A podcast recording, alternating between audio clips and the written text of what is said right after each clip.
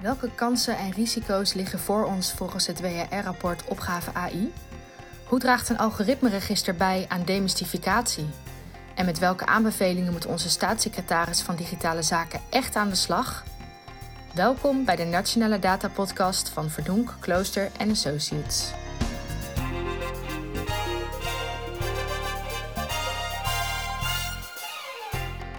Welkom bij de Nationale Data Podcast. De podcast met inspirerende gasten en inzichten over het gebruik van data, algoritmes en artificial intelligence in de publieke sector. Goedemiddag, ik ben Steven de Blij. Ik zit hier vandaag met mijn collega's Sarah en Haroon Sheikh, senior wetenschapper bij de WRR en bijzonder hoogleraar aan de VU om het over het WRR-rapport rapport Opgave AI eh, te hebben. Welkom uh, Haroon. Dankjewel. Ja, en vandaag ook bij ons in de podcast is collega Marlijn Mulder, expert op het gebied van uh, data-ethiek. En uh, zij heeft het rapport aandachtig gelezen en zal uh, vandaag ook in deze podcast aanwezig zijn als ogen op het rapport. En Haroon, jij bent de hersens van het rapport. Een stukje daarvan. Een stukje daarvan, ja. Dus nou, we gaan lekker met z'n vieren de diepte in. Ja, dankjewel Sarah. Nou, misschien is het goed om even algemeen even inleiding op het, op het rapport. Uh, eind 2018 is de aanvraag ingediend om het rapport op te stellen. Nou, net in het voorgesprek gaf je al aan. Uh, 11 ministeries, 13 ministers die die aanvraag hebben gedaan. Uh, nou ja, naast die andere twee functies die we al noemden, ben je ook de projectcoördinator van de projectgroep Artificiële Intelligentie bij de WRR. november afgelopen november is aangeboden aan het kabinet. En volgens mij is de status nu dat we nu nog wachten op een uh, kabinetsreactie. Dus die moet nog uh, komen. Dus die zullen wij ook, denk ik, uh, zoals hier zitten, met aandacht lezen. En waar ik in eerste instantie benieuwd naar ben, kan je iets vertellen over hoe het rapport ontvangen is? Ja. in de buitenwereld. Ja hoor, um, ja, dat is heel divers. Um, en ik ben heel blij met de, de ontvangst dat we tot nu toe gehad hebben. Uh, en het gaat ook door, verschillende golven en verschillende soorten uh, ontvangst die je hebt. Uh, ik denk dat we heel gelukkig waren met op de eerste dagen gewoon de media-aandacht. Er was heel veel aandacht voor het rapport. Alle kranten hebben er mee gedaan. het NOS-journaal. En dat was, we waren in ieder geval heel blij mee, want we willen dit onderwerp gewoon hoog op de agenda zetten. een van onze punten is AI wordt niet serieus genoeg genomen. Dus het was mooi om te zien dat vanuit de media er veel, het, het flink werd opgepikt. Um, wat je daarna ziet, en dat is meestal bij WR-rapporten, dan krijg je een beetje dat het veld, de experts, de mensen die er nauw op zitten, die hebben de tijd om wat te gaan lezen en die gaan ermee aan de slag. En dan zie je dat er dus uh, opiniestukken uh, worden geschreven, dat mensen uh, het gaan toepassen op een bepaald domein. En zo hebben we dat ook al gezien. En dat is van de AI-coalitie tot de Cybersecurity Raad hebben partijen het eigenlijk toegeëigend en zijn ze met de aanbeveling ook aan de slag gegaan. Um, en dat proces dat loopt nog steeds door. Uh, verder hebben we dan heb je natuurlijk de politieke component. We hebben recent gesproken met de Commissie Digitale Zaken in de Tweede Kamer. Dat is een heel belangrijke uh, gesprekspartner voor ons. Het, belang, het, het, grote ding op politiek gebied is inderdaad de kabinetsreactie. Die verwachten in het tweede kwartaal van het jaar. Ehm, dus dan zullen ze uitgebreid op het rapport ingaan. Ja, en ondertussen, we spreken met een heleboel partijen. We doen presentaties, podcasts zoals deze, lezingen door, bij de hele overheid. Um, en um, ja, dat, dat, is een, uh, dat verloopt heel leuk, heel goed. Ja. En heb je nog uh, verwachtingen of hoop over wat er nog meer met het rapport zou gebeuren? Qua reactie? um, buiten, ja, kijk, de kabinetsreactie natuurlijk. Daar hopen we ja. gewoon dat zoveel mogelijk van de aanbevelingen die wij gedaan hebben, dat daar wat mee gedaan wordt. Dat, dat, dat, dat uh, wachten we dan af. Um, kijk, en verder, ja, dat is altijd als je iets, zoiets schrijft, je geeft op een gegeven moment aan de wereld. En um, ja, je weet niet precies in welke hoeken er allemaal wat mee gedaan wordt. Hè. Er komen nu al verrassende dingen terug. We, bevelen aan om aan demystificatie te doen. De Rijksacademie, die cursussen geeft aan ambtenaren, gezegd van nou, daar willen wij wel graag mee aan de slag gaan. Dat, hoor je dan dat, dat zij daar vorm willen geven. Um, we bevelen aan om bijvoorbeeld iets van een AI-brevet op te zetten. Dan zegt de AI-coalitie tegen ons van nou, wij waren al bezig met een certificaat. En nou, mogen we dat aan jou aanbieden? Dus dat heb ik dan eh, toevallig gekregen om ook te zien van nou, zo'n partij pakt dat op zo'n manier op. Het onderwijs is er mee bezig. Uh, dus um, ja, het is een groot onderwerp, een breed rapport.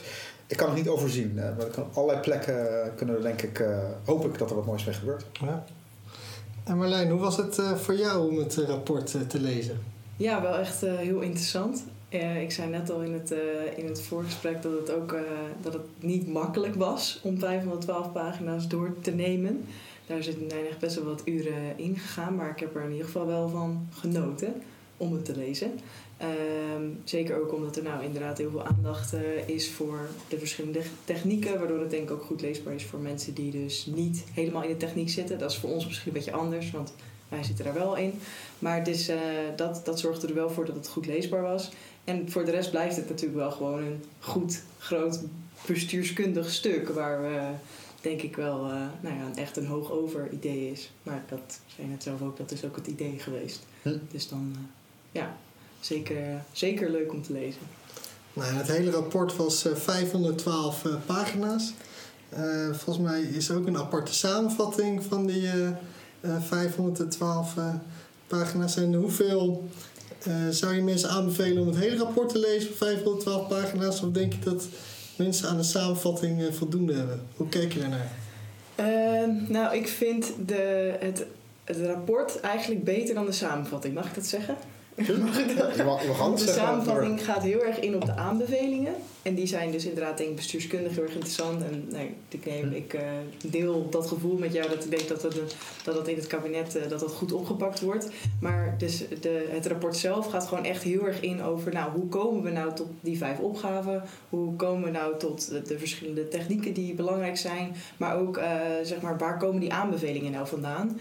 Um, en dat vond ik, ja, dat, was, dat vond ik eigenlijk echt heel erg interessant. Hm. Zeg maar.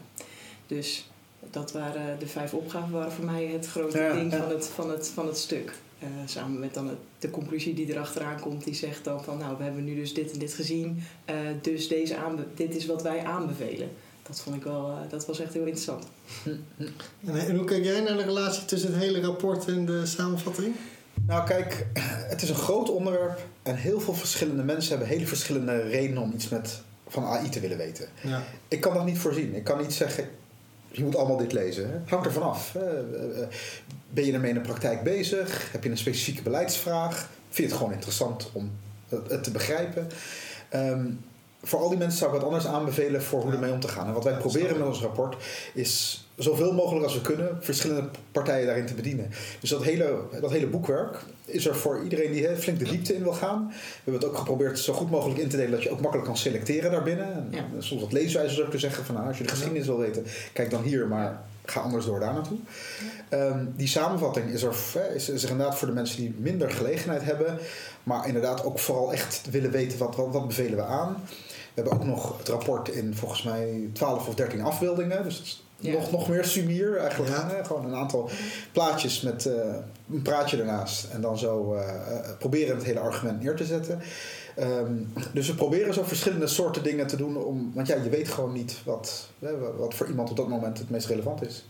Nee, ik, ja, ik moet wel zeggen dat die afbeelding wel echt... Uh, dat, dat was wel echt goed gemaakt. Moet ik ja. Nou, dankjewel. Dat heeft... Ja. Dat, dat is een van de dingen, dan denk je ook van, hè, je, je, je geeft een rapport van 512 pagina's. Ja, dan, je zit er ook na te denken van, hoe gaan we dit toegankelijker maken? Natuurlijk, dat is voor ons ook gewoon een vraag. Van, hoe gaan we zo, want je weet gewoon, voor een heleboel mensen is dat niet te doen. Nee. Nee. en eh, voor degenen die, uh, ja, die nu misschien meeluisteren en denken... ja, ik, uh, ik heb er wel wat over voorbij zien komen... maar ik weet eigenlijk helemaal niet uh, wat er nou precies in dat rapport staat... Eh, het is een ontzettend uh, veelzijdig uh, stuk. En niet alleen qua omvang, maar ook zeker qua inhoud gebeurt er een hele hoop. te beginnen met een heel stuk ook geschiedenis van AI. En echt van ja, hoe zijn we gekomen tot waar we nu zijn wat AI betreft. hoe is het ontstaan? Hoe keken we er toen naar? welke ontwikkelingen hebben plaatsgevonden om te komen waar we nu zijn? En op een gegeven moment definiëren jullie AI als systeemtechnologie. Wat uh, eigenlijk wil zeggen, uh, nou, een, een, drietal aan, uh, aan kenmerken alomtegenwoordig. constant aan verbetering onderhevig. En nog een derde. Complementaire innovaties. Oh ja, complementaire, ja, precies. En dan komen daaruit eigenlijk die vijf opgaven. Um, dus, dus er gebeurt ontzettend veel. Zou je zeggen van voor iemand die nu luistert en denkt: Ik heb er eigenlijk helemaal niks over meegekregen is het in één of twee zinnen te zeggen waar het rapport over gaat? Hm. Ja, natuurlijk. één of twee zinnen is heel kort. Maar dan zou ik zeggen... AI is niet zomaar een technologie. je hebt de kleine specifieke technologie. Het is wat wij noemen inderdaad een systeemtechnologie. Denk aan elektriciteit, de verbrandingsmotor, iets, iets dat systematisch de samenleving verandert.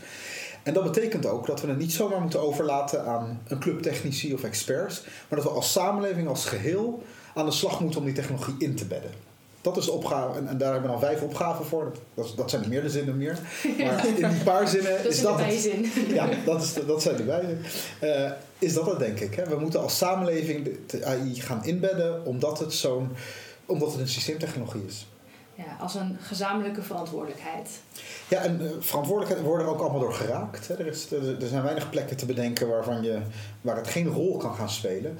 Um, en dat loopt van, van politiek uh, en ambtenarij tot burgers, maatschappelijk middenveld, het bedrijfsleven, uh, veiligheidsvraagstukken, alles. Um, en dat betekent dus dat we met z'n allen veel meer ermee betrokken moeten raken. Ja. Is dat ook hoe jij uh, het rapport zou samenvatten of zou jij een ander accent uh, leggen, Marlijn? Nou, deels wel. Ik weet, zeg maar, ik herken uh, heel erg inderdaad de, de, de verantwoordelijkheid die ook bij ons als maatschappij ligt. Maar ik, ik lees in het rapport ook een hele grote oproep aan de overheid om een positie te bepalen ten opzichte van AI. Omdat het nu een beetje zo overal inderdaad allemaal kleine dingetjes zijn en zeg maar ook op heel klein niveau tot heel groot niveau wordt ingezet. En dat er eigenlijk niet één soort beleid is van wat vinden we dan eigenlijk van? Wat vinden we nog acceptabel? Wat vinden we niet meer acceptabel? Waarvoor willen we het inzetten? Waar willen we precies gaan ontwikkelen? Um, waar kan AI voor ons ook als land een hele grote toegevoegde waarde spelen? En ik voel in dat rapport ook dat, dat jullie ook op zoek zijn naar van, van nou, overheid. Ga er, nou eens, ga er nou eens voor staan, zeg maar. Waar, waar, waar zoeken we nou naar? Waar moeten wij als maatschappij ons dan op voorbereiden? Dat is aan jullie om te bepalen. Dat gaan wij als maatschappij nou ja, niet doen. Ja, dat klopt. En dat haakt natuurlijk ook aan echt bij onze opgave als wetenschappelijk ja. voor regeringsbeleid. Ja. Dat is onze primaire adressant van ons rapport. Dus uh, dat klopt zeker. Dat, uh, dat, daar, is, daar gaan onze aanbevelingen primair naartoe. En die overheid heeft een hele belangrijke rol. Ja, ja zeker. Um, nou, het rapport definieert vijf uh, opgaven. En uh, het leek ons leuk om naar één opgave wat dieper te kijken. Uh, ik vond een hele mooie opgave, demystificatie. En in demystificatie maak je de onderscheid in drie categorieën. De werking van AI, de consequenties van AI en de ontwikkeling van technologie. Um, en als je kijkt naar deze drie categorieën, um, welke zie je als het meest risicovol voor hoe een overheid daarmee omgaat? Hm. Ja, dus even ter uitleggen, demystificatie, de opgave gaat over beeldvorming. Mm-hmm. Dat, dat, is wat we voorstellen. En wat we merken, wat we zien, is er is veel extreme beeldvorming over AI. Ja. Zowel hè, in uh, optimisme, het gaat uh, van allerlei problemen oplossen, als ook, en, en meer en meer, als in uh, dystopische beelden over. AI. Demystificatie gaat over hoe zorgen we dat we een co- meer correcte beeldvorming erover hebben. Hè, wat we noemen dat we van beeld naar begrip gaan. Hè, meer begrip krijgen in de samenleving. Dat is nodig omdat we dan niet hè, overspannen angsten of, of verwachtingen hebben. Maar ook zodat we de juiste vragen kunnen stellen. Dat we niet hè, bezig zijn met toekomstbeelden. Terwijl er onder onze neus dingen gebeuren die we, waar we geen aandacht voor hebben. Dus dat is waar die opgave over gaat. Ja. Nou, dan hebben we inderdaad drie categorieën. Hè. Uh, opgave, of, uh, mythes in de categorie van hoe het werkt. En dat gaat over zoiets als AI is altijd neutraal of rationeel. Of het werkt als een black box. En dan heb je mythes in de categorie wat gaat het doen? Uh, de machine gaat de wereld overnemen. Of uh, uh, het gaat alle menselijke functies over, vervangen. En dan hebben we ook nog een categorie van mythes die wat meer te maken hebben met bredere digitale technologie. Hè, waar AI onderdeel van is. Hè. De technologie is een oplossing voor alles. Hè. Technosolutionisme. Of um, technologie moeten we vrijlaten, want we kunnen toch niet stoppen, en uh, et cetera. Nou, we proberen die mythes, dat is wat we doen in het rapport, allemaal te relativeren, te laten zien waar, de, waar ze problematisch zijn. En als je dan vraagt voor de overheid, dan denk ik, nou ja, primair de eerste en een beetje de derde categorie. En de overheid is niet zozeer hè, per se overheid, de machine gaat zich tegen ons keren, dat is meer de samenleving in de brede zin. Ik denk de overheid heeft denk ik directer last van dingen als um, misschien te groot geloof in dat, dat als een algoritme uh, functioneert, dat het dan neutraal of, of, rationeel is. En daardoor misschien zelf te weinig vragen stelt bij de eigen systemen. Ik denk dat we dat zeker tegenkomen. Of hè, te makkelijk ervan uitgaat dat, dat die systemen black boxes zijn. Van, nou, we, we, kunnen het niet uitleggen, het is zo complex, ja. dus nou ja, laten we het maar zo. Maar ook een beetje van die derde categorie. Dus ook toch wel een beetje dat soort grote beelden die uit Silicon Valley overkomen waaien. Ja. Van nou, hè, technosolutionisme. Hè, Ik bedoel, eh, de, de- een voorbeeld natuurlijk. Hè. De, de coronacrisis begon en de minister riep meteen... we moeten een corona-app hebben. Maar wat was nou precies de, het probleem waar dit een oplossing voor was? Mhm. En was dit dan de juiste oplossing voor dat probleem? Ja. Nou, dat is, dat is denk ik een voorbeeld toch ook wel weer van. Hè? Een soort idee van nou, eh, technologie als antwoord. Ehm, eh, en daar denk ik dat we... eh, ja, dus die twee dingen, denk ik, heeft de Ja. overheid het meeste aan... om daar hè, die mythes een beetje door te prikken. Ja, precies. Want je hebt in een eerdere podcast ook gezegd van nou, het is belangrijk om de goede vraag te stellen over AI. hè.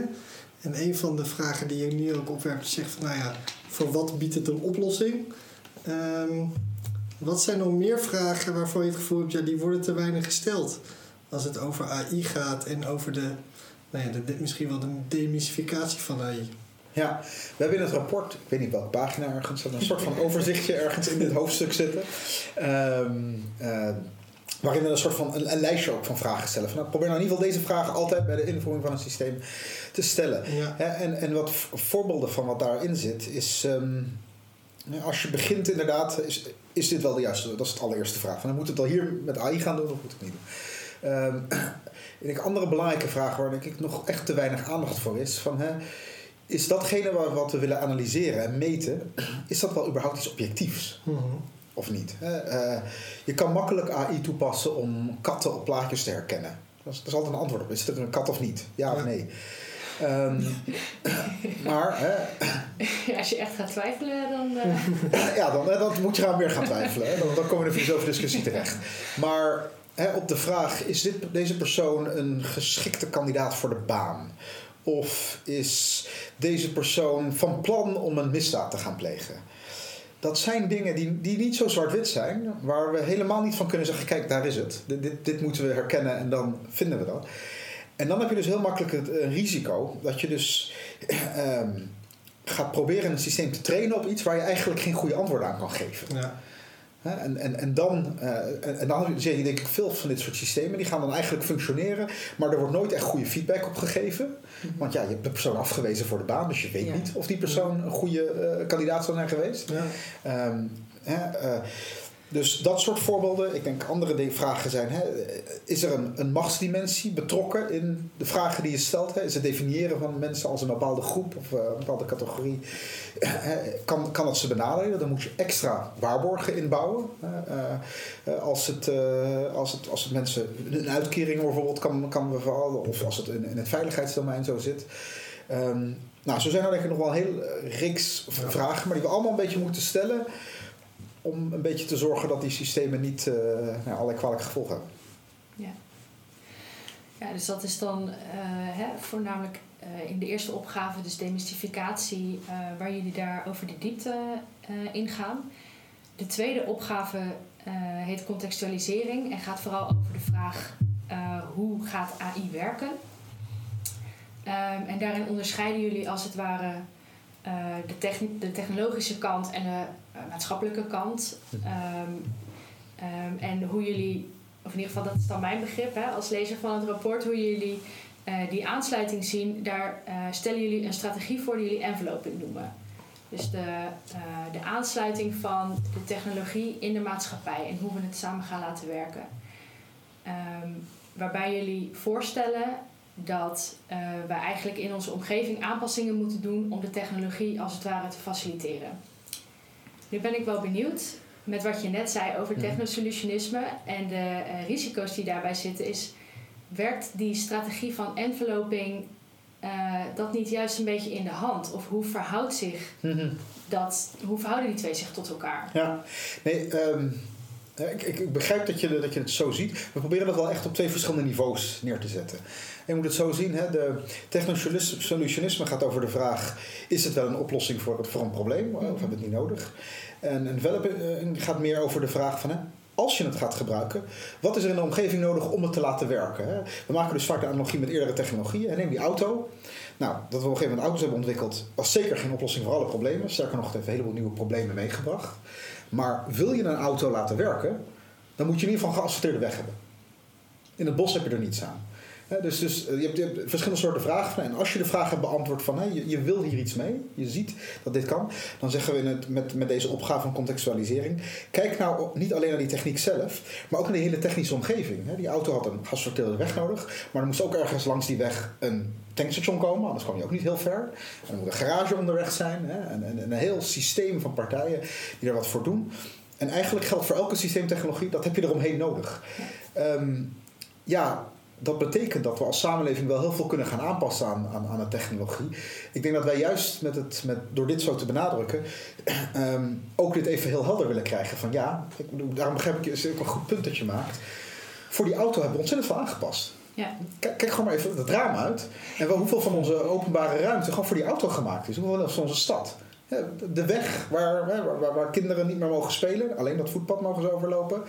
Die randen daarnaast waar parkeerplaatsen staan. Ehm, dat we zeggen niet dat het goed is. Maar we zeggen wel, dit is, dit is wat, wat dit soort grote technologische systemen met ons doen. En door juist daar de nadruk op te leggen, kunnen we ook nadenken over de vraag: hè, willen we dat? Want we hebben in het verleden ons ontzettend veel aangepast al aan dit soort technologieën. Ja, dus de strategie heeft niet in zich de aanname dat we het moeten doen, maar geeft meer aan ja, hoe we Ja, dus dat is een aparte vraag. Van, hè, wil je dat nu? Maar als je het wel wat mee gaat doen, gaat het dan werken? Hoe gaat het dan werken? Ik zie, ik zie Marlijn het een andere... Nou, ik vind, het, ik, vind het, ik vind het wel, zeg maar, ik ben het, op, ik ben het met je eens hoor. Zeg maar. Techno Solution gaat echt over de vraag van, nou, wil ik dit doen of niet? Maar het, het, de strategie van enveloping heeft ook een, een, een, een vorm van onvermijdelijkheid in zich. Een soort van, oké, maar we gaan ons dus aanpassen naar die technologie. Het voorbeeld wat jullie zelf geven in het rapport gaat over de zelfrijdende auto.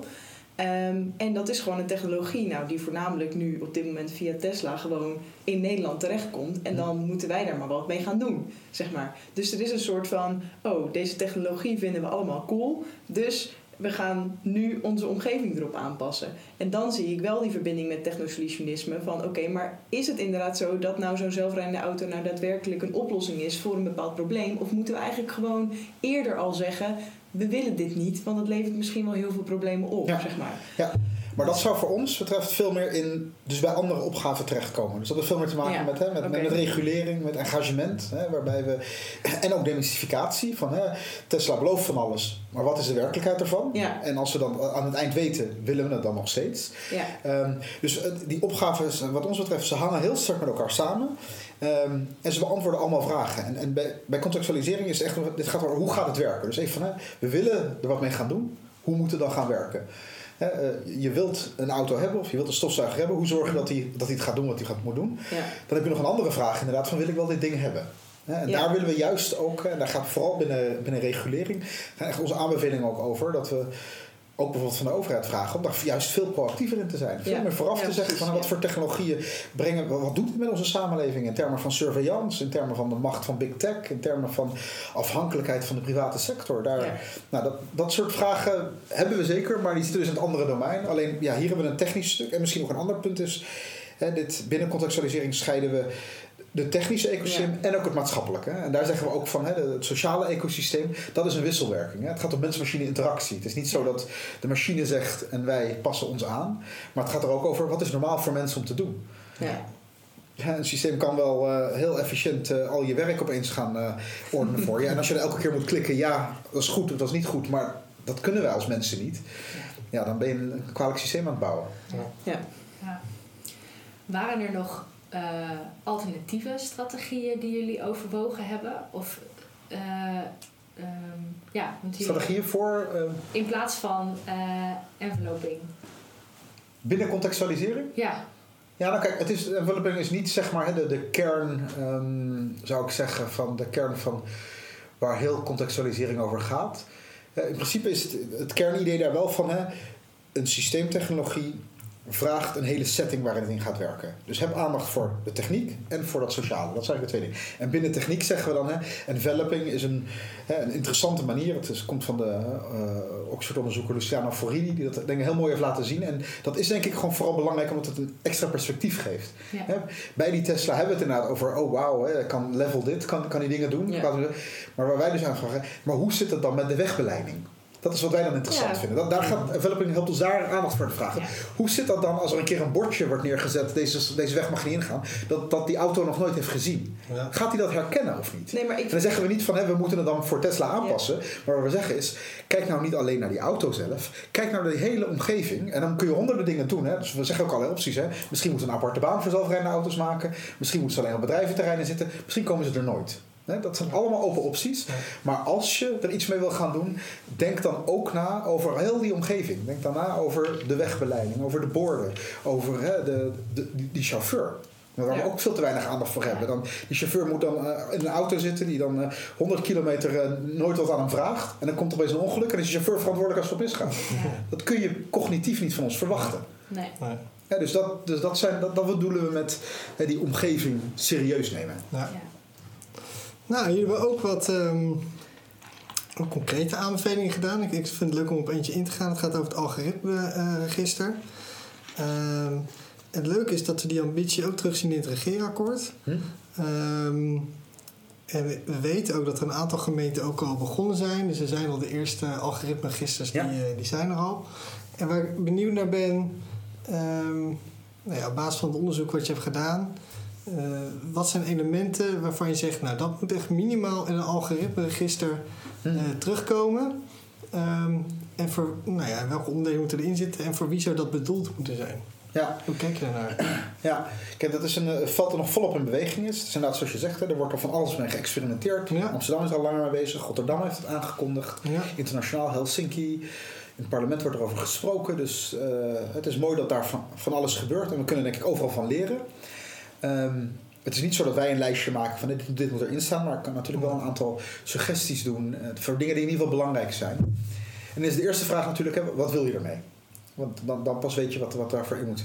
Hoe wij het insteken is dat het algoritmeregister is voor ons een instrument, niet, niet het enige, maar een instrument voor het vergroten van AI-wijsheid. Maar wij zeggen die demystificatie onder de bevolking, hè, er zijn zoveel mythes, we moeten als samenleving ook meer begrip krijgen van die technologie. En dit kan ertoe bijdragen. Eh, dat betekent ten eerste gewoon hè, het simpele feit dat het er is en dat het zegt van nou, hier wordt een algoritme gebruikt. En je krijgt thuis een brief en je weet dat van nou, heeft er iemand besloten dat ik hier een boete voor kreeg, of is het automatisch gebeurd? Dat is al het allereerste. Dan weet je gewoon van wat voor soort vragen moet ik gaan stellen. Ja. Ehm, dus dat, hè, waar dit soort systemen gebruikt worden. Ik denk dat er op bazaal niveau iets moet instaan over wat voor soort technieken daarvoor gebruikt worden. En ook een beetje uitleg van hè, wat, wat voor soort beperkingen zitten eraan. Hè? Of wat voor soort eh, eh, foutmarges eh, kun je aan denken. Ehm, ik denk dat er eh, gewoon uitleg moet zitten over hoe het concreet werkt.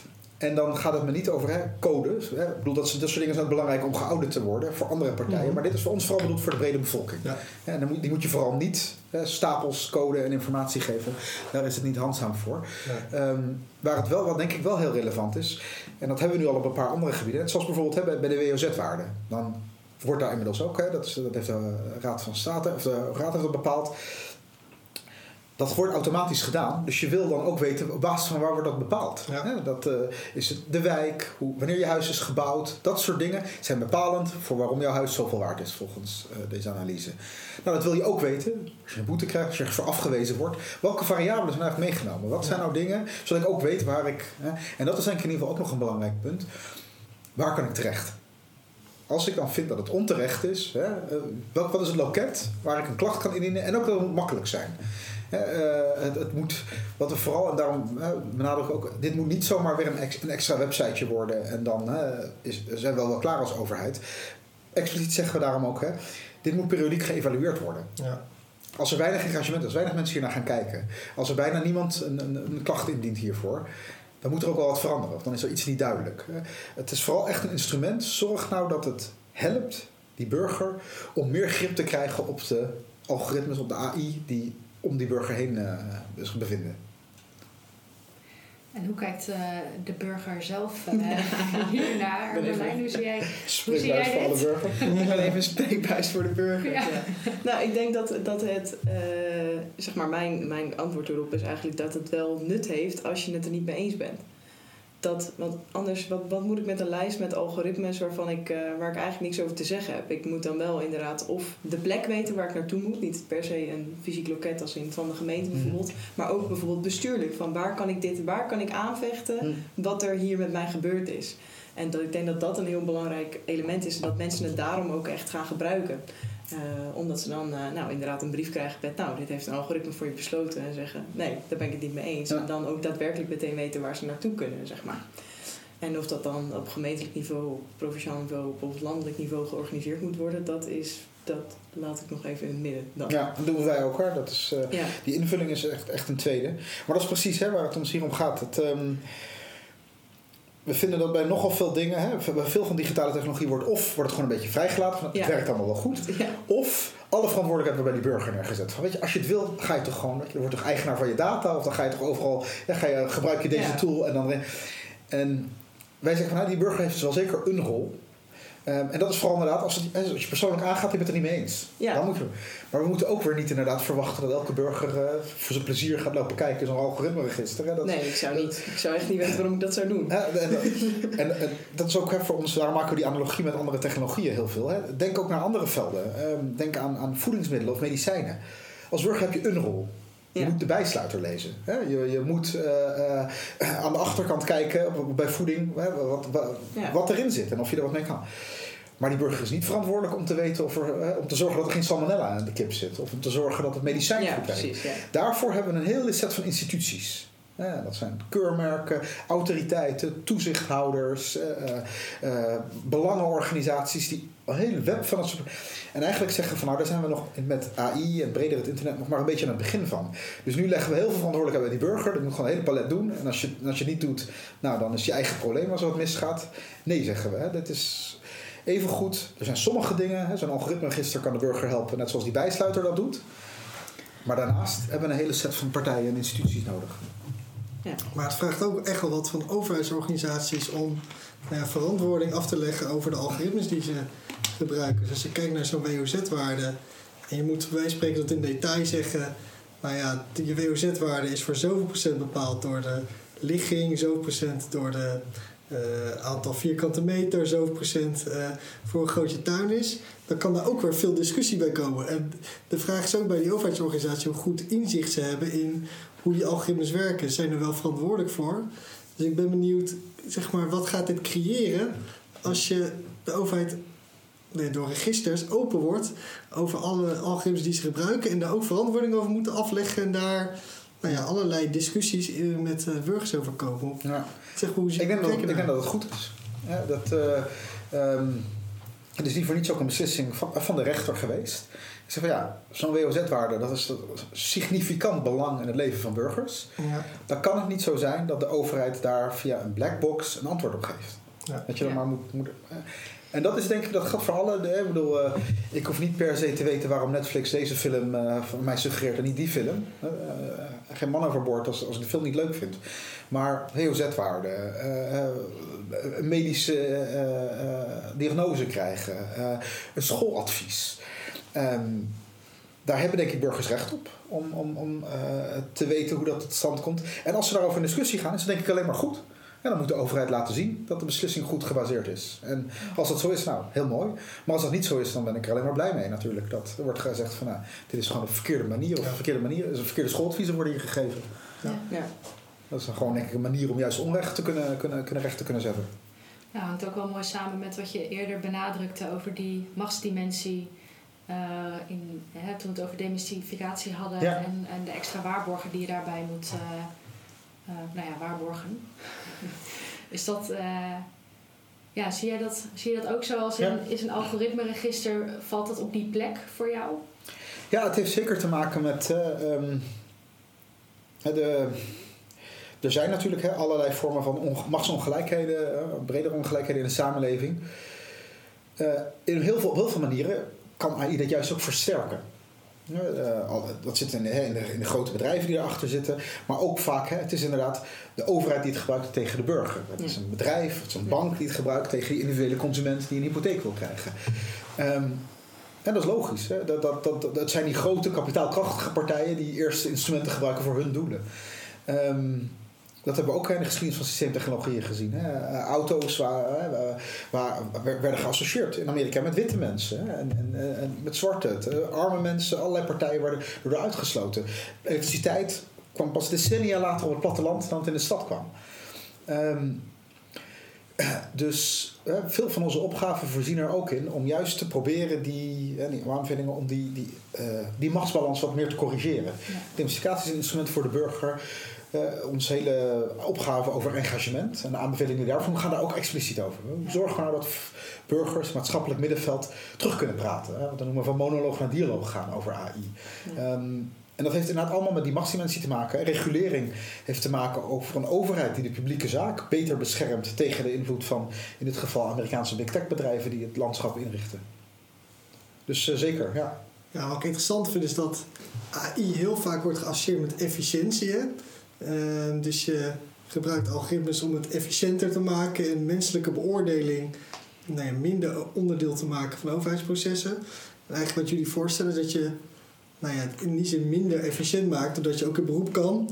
Ehm, en dat er ook gesprek vindt tussen uh, overheidsorganisatie en burger, waardoor een deel van het efficiëntiedenken daarbij natuurlijk wegvalt.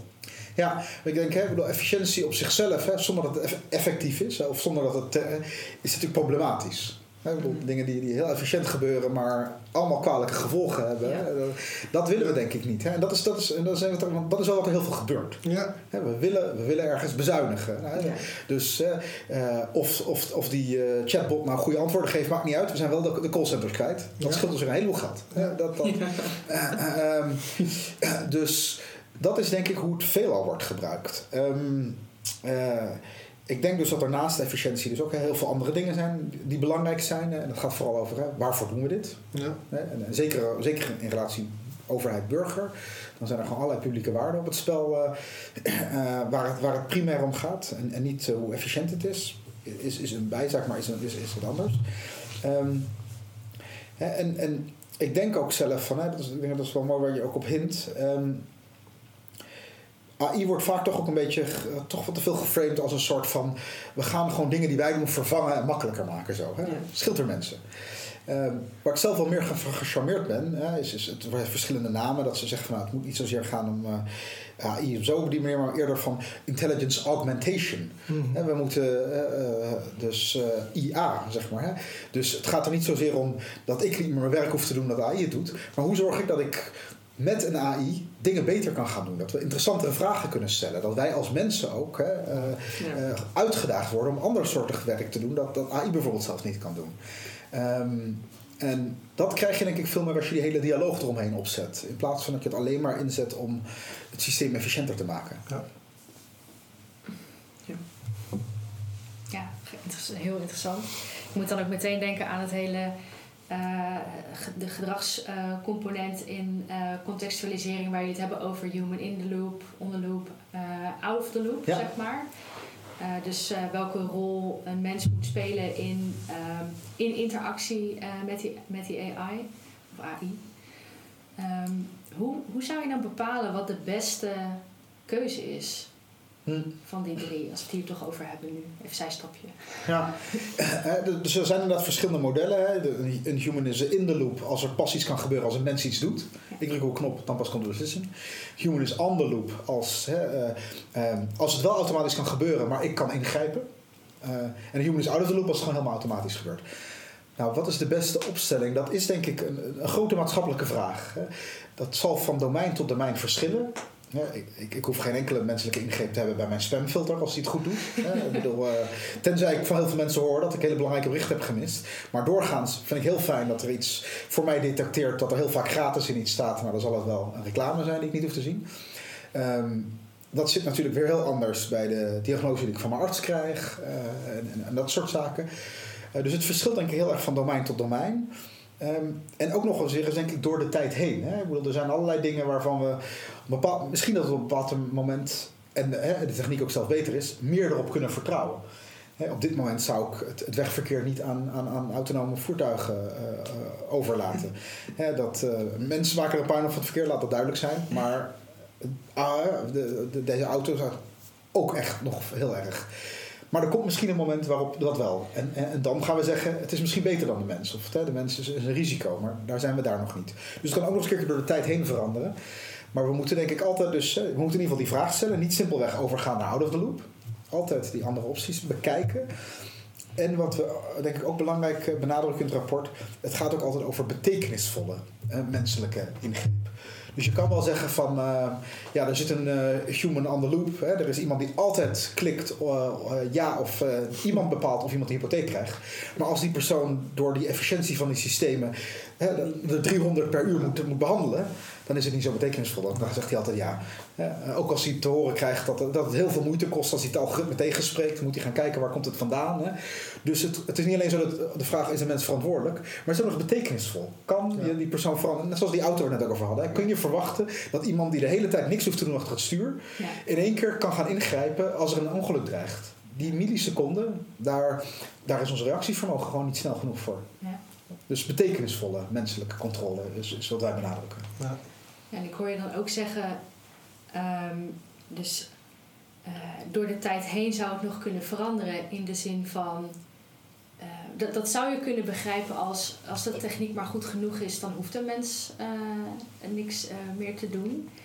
Maar ik kan me voorstellen, en dan vraag ik hem even aan Marlijn, dat er ook andere redenen zouden kunnen zijn om te beslissen dat een mens wel zeker wel degelijk in een bepaald proces nou ja, die betekenisvolle eh, ingrepen eh, doet. Hoe, hoe zie jij dat? Zou je zeggen, het is meer een soort, als de techniek maar goed genoeg is, dan eh, hoeft het op een gegeven moment niet meer. Is dat het ideaalbeeld? Hoe zie jij dat? Nou, dat vind ik nou wel erg technosolutionistisch eigenlijk. Dus dat zou ik ook niet zeggen. Dus dat zou ik inderdaad ook al niet zeggen, nee. Nee, ik denk dat het, dat, dat het, het, openen, het kunnen blijven openen van de black box echt essentieel is ook om bepaalde vragen te kunnen blijven stellen. Nou, vooral ook ethische vragen van willen we dit? Ehm, dat is net als dat we een, een, een discussie hebben of een, of een wet op een gegeven moment nog terecht is voor de situatie waarin je nu bent, zeg maar. Of wat ik zelf ook altijd zeg, als je het begrip transparantie betekent nu iets anders dan dat het 20 jaar geleden betekende. Dus eh, zeg maar, dat soort begrippen moet je nog wel open kunnen maken in zo'n discussie in welke rol ook een mens moet kunnen spelen. Dus het blijft denk ik belangrijk om, zelfs als je out of the, out of the loop bent, het kan zijn dat jij, je krijgt een automatische e-mail als je verhuisd bent bijvoorbeeld, zeg maar, dan denk ik ja, oké, dat is mooi. Maar als we denken, nou, eh, wil ik, eh, willen we dat eigenlijk nog, dan moet ik nog wel kunnen kijken in wat zou ik dan bijvoorbeeld in een bericht willen hebben of, of dat ik daar de inhoud nog kan van veranderen. En niet dat dat een soort van op zichzelf staand systeem gaat worden waar ik helemaal niks meer mee kan. Ehm, en dan, nou ja, dan komen we weer terug op die machtsrelatie. Ik denk dat dat voor de overheid extra belangrijk is om Ja. daarin een, een rol te blijven Je behouden. moet, eh, het moet uitlegbaar zijn wat je Ja. voor burgers doet. Hè? Ja. Zeker voor belangrijke beslissingen. Dat, kan nooit. Dus inderdaad, het moet altijd uitlegbaar zijn. En, en sommige dingen kunnen we inderdaad ook gewoon van zeggen. We vinden het gewoon belangrijk dat er een persoon zit. Hè? Ja, Misschien willen we ook gewoon dat je arts, Ja. gewoon, hè? Dat, dat een, iemand van vlees en bloed die kan voelen wat jij voelt. Ja. jou vert- je diagnose vertelt. Hè? Dat, dat, dat, dat kan ik me heel goed voorstellen dat dat ook allemaal redenen zijn. Maar goed, het is denk ik een heel complex veld. Er zijn sommige velden waar ik denk, dat hoop ik dat we mensen weghalen. Hè? Ik bedoel, laten we, laten we mensen uit donkere mijnen weghalen en, uh, en allerlei rotwerk. eh Ja. Dus het eh, dangerous, dull, dirty Ja. werk, dat, dat, dat soort dingen. Daar hoop je juist dat, hè, als de techniek gewoon goed genoeg is, dat we mensen die last kunnen besparen. Ehm, dus ja, heel veel situatie en inderdaad door de tijd heen, hè, wat we verwachten, dat, dat, dat, dat verschilt. Maar we moeten in ieder geval al- weten dat we die vraag kunnen stellen. Ja. Ja, Ja. Dat, is, dat is inderdaad... eh, Nooit zomaar denken van nou oké, hè, dit is de toekomst, dus hè, weg, weg met mensen en eh, een, een, een algoritme besluit nu. Ja. ja. In verband met de tijd, stel ik voor dat, eh, dat we naar het laatste blokje gaan. Ehm, we hebben een staatssecretaris voor digitalisering en koninkrijksrelaties. Ehm, nou, er staan volgens mij 15 aanbevelingen eh, in het Elf, rapport. ja. 11. Ehm, welke vind je de belangrijkste? Waar ze mee aan de slag zou moeten gaan? Poeh, ehm, wij proberen niet binnen onze, onze opgave nog een prioritisering te geven. Nee. En dat is toch een beetje van, dit is de boodschap, maar dit is niet zo belangrijk. Het zijn je elf kindjes, zeg maar, dus je kan niet kiezen Ja, tussen je kinderen. niet, nee, daar kies je niet tussen, dat, dat geef je nooit aan. Nee. En, en, en ze hangen ook samen, zoals in dit gesprek al een paar keer naar voren is Ja. gekomen. Van, het is niet zo dat je kan eh, demystificeren zonder ook eh, goed aan engagement te denken. Ehm, dus ze hangen heel sterk samen. Maar we hebben het nu ook specifiek over deze functie. Kijk, ik ben heel benieuwd hoe die invulling gaat krijgen. Ehm, welke rol. deze nieuwe staatssecretaris krijgt. Hè. Het is natuurlijk klassiek al zo geweest dat de digitale overheid zat al bij het ministerie van Binnenlandse Zaken, Ja. eh, waar ze bij vonden. Dus ik ben benieuwd op welke manier hè, deze rol verandert, wat, er, wat erbij komt en hoe dat Ja. zich verhoudt. Wat wij in het rapport signaleren is dat er binnen de overheid veel meer coördinatie op hoog niveau moet zijn over dit soort technologieën. Ehm, en daarvoor stellen we zowel op politiek als op ambtelijk gebied iets voor. En dat is dan dat is de laatste aanbeveling die we hebben, de elfde. Ehm, wij, wij bevelen eigenlijk aan, hè, zorg dat er een ministeriële onderraad is eh, voor AI. En zorg dat er ambtelijk een AI-coördinatiecentrum is. Ja. Nou, die zijn voor ons allebei is dat invulling geven aan dat idee van het is zo'n grote technologie. Dit moet chefzaggen zijn. Het moet op het hoogste Ja. niveau moet dit besproken worden. Hè. Eh, en dat, dat is dus dat idee van die onderraad. Ehm, en het moet ook, ambtelijk moet er een plek zijn waar overzicht is. Waar gezien kan worden, waar er dingen misgaan, waar kennis gedeeld kan worden. Ehm, en wat de concrete invulling daarvan is, hè, of dat een centrum, een heet of wat anders, hè, dat, dat, dat, zijn, dat, dat is wat anders. Maar we, ik zou zeggen, ik, hopen dat die staatssecretaris die meer coördinerende rol op politiek en ambtelijk niveau goed gaat invullen. En stel je voor, ze is in staat om alle elfde aanbevelingen uit te voeren en ze pakt het op. Ehm, is dat een one-off, dus dat doe je een keer en dan ben je klaar? Of zie je het meer als iets cyclisch? Deze aanbevelingen concreet bedoel je? Ja, de- ja. ja. Ehm, Nee, en het gaat ook over de, nee, hoe tijdloos is het rapport. Is het rapport zeg maar drie jaar geldig? Of is het een handboek wat eh langjarig geldig is? Nou ja, dat is Ja. beetje de achtergrond van de vraag. Ja, nee, ehm, eh, mooi, want dat, dat, dan kan ik meteen ook wat delen van weet je, hoe ons denkproces in elkaar zit, want daar zijn we Mhm. natuurlijk ook continu mee bezig. Ehm, en dan hebben we een soort van twee extremen waar we kunnen zitten. Van, hè, je geeft iets tijdloos groots mee, en dan weet je gewoon, hè, dit, dit, kan, kunnen mensen altijd van leren. Risico dan is, morgen zegt ze, leuk, denken we ook aan, maar ik hoef er niks mee te doen, dus laat maar zitten. Andere eind, heel concreet, iets waar, waar niemand omheen kan gaan, van doe dit nu. Ja. Maar dan, hè, dan wordt er iets gedaan en dan denk ik, oké, dit hebben we klaar. Dan hebben we het allemaal geregeld. Nou, beide extremen willen wij vermijden. Hè, we, we, we- we- ehm, hoe we dat hebben opgelost in dit rapport, is dat we een soort van gelaagde structuur hebben. Ehm, de opgaven staan voor het tijdloze niveau. Die blijven ook gelden. Hè? Eh, eh, engagement blijft gelden. Nu zeggen we, dit zijn de problemen bij engagement. Hè? We zien uitsluiting van mensen hier en hier. Ik geloof dat hè, over tien jaar heeft engagement andere problemen. Ja. Groepen waarvan we nu nog niet weten, die zullen dan, dan uitgesloten worden. Ja. Dus engagement hè, en al die vijf opgaven gaan door de tijd heen roepen steeds nieuwe. Regulering zal ook nooit klaar zijn. Er komt weer een nieuwe AI-techniek, nieuwe opgave voor regulering is Ja. klaar, is, is daar. Dus de opgaven hebben een tijdloze karakter. De aanbevelingen dan vervolgens geven voor ons, eh, proberen dat meer in de tijd te plaatsen van hè, binnen het huidige tijdvak van deze jaren. Wat zijn dan de dingen die je nu moet gaan doen? Ja. En daaronder proberen we weer in het rapport steeds het echt soms heel concreet te maken. Gewoon echt even de, de hand vatten. Hè. Het algoritmeregister zou je zo in kunnen richten. Maar we zeggen dus, hè, algoritmeregister zo inrichten. Dus daar hopen we een handvat te geven voor wat morgen gedaan kan worden. De vraag daarachter is AI-wijsheid. Nou, daar ben je niet mee klaar als je het algoritmeregister hebt gedaan. Dan heb je ook, als je zelfs al hebt, heb je over 20 jaar nog steeds wat te doen en over 10 jaar ook. Dus op zo'n manier proberen we daarmee om te gaan. En Marlijn, als jij kijkt naar wat de staatssecretaris zou moeten doen, eh, hoe kijk jij daarnaar?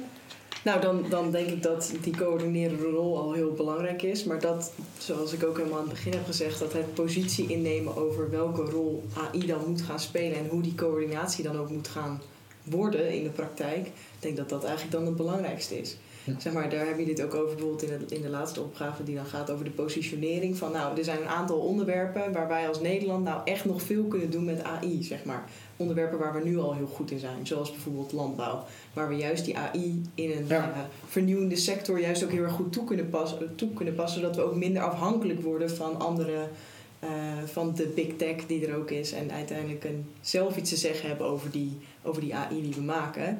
Ehm, en ik denk dat daar echt nog ook wel een grote uitdaging ligt. Want dat is gewoon een hele grote politieke keuze. Hm. Want dan moet je dus zeggen van nou, dit vind ik wel goed en dit vind ik niet goed. En dan, nou ja, goed, dit is een, we hebben een vrij gefragmenteerd politiek eh, Ja. stelsel. Dus er is altijd wel iemand die je dan tegen de borst stoot in dat eh, opzicht. Dus ik denk dat voor haar daar de uitdaging wel echt, echt ligt om daar een, eh, een, echt een, echt een duidelijke positie in te gaan nemen.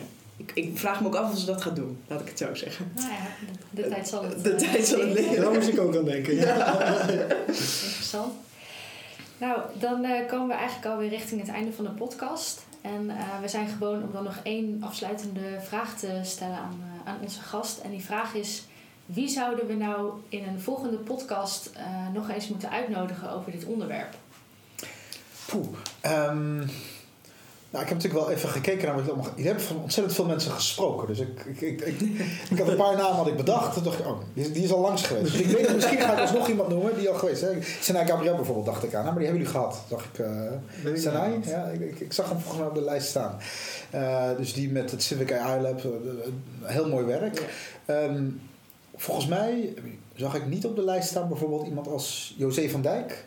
Nee. Die is nog niet geweest. Nee, nee maar wel uh, heel goede inderdaad. Ja, dus uh, nou, uh, hoogleraar in dit veld. En wat ik ja. vooral ook heel mooi vind, is dat ze, ze combineert zowel echt een hele diepe kennis van hè, academisch, die technologie en de structuur van digitale technologie. Ja. Om dat ja. Maar heeft daar ook altijd een, echt een duidelijke agenda mee wat ja. we daarmee kunnen doen. Hij is ook betrokken bij allerlei organisaties en, en, en, adviesraden en zo. Om ook dat internet beter te maken. Dus, dus nou, dat zou wat mij betreft een, een mooie uh, suggestie zijn voor iemand om uh, deze thematiek verder te praten. Super goede suggestie. Dankjewel. Leuk. Dankjewel. Graag gedaan. Hiermee zijn we aan het eind gekomen van deze aflevering van de Nationale Data Podcast. Bedankt voor het luisteren.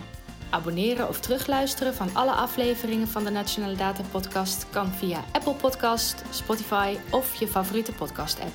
Tot de volgende keer.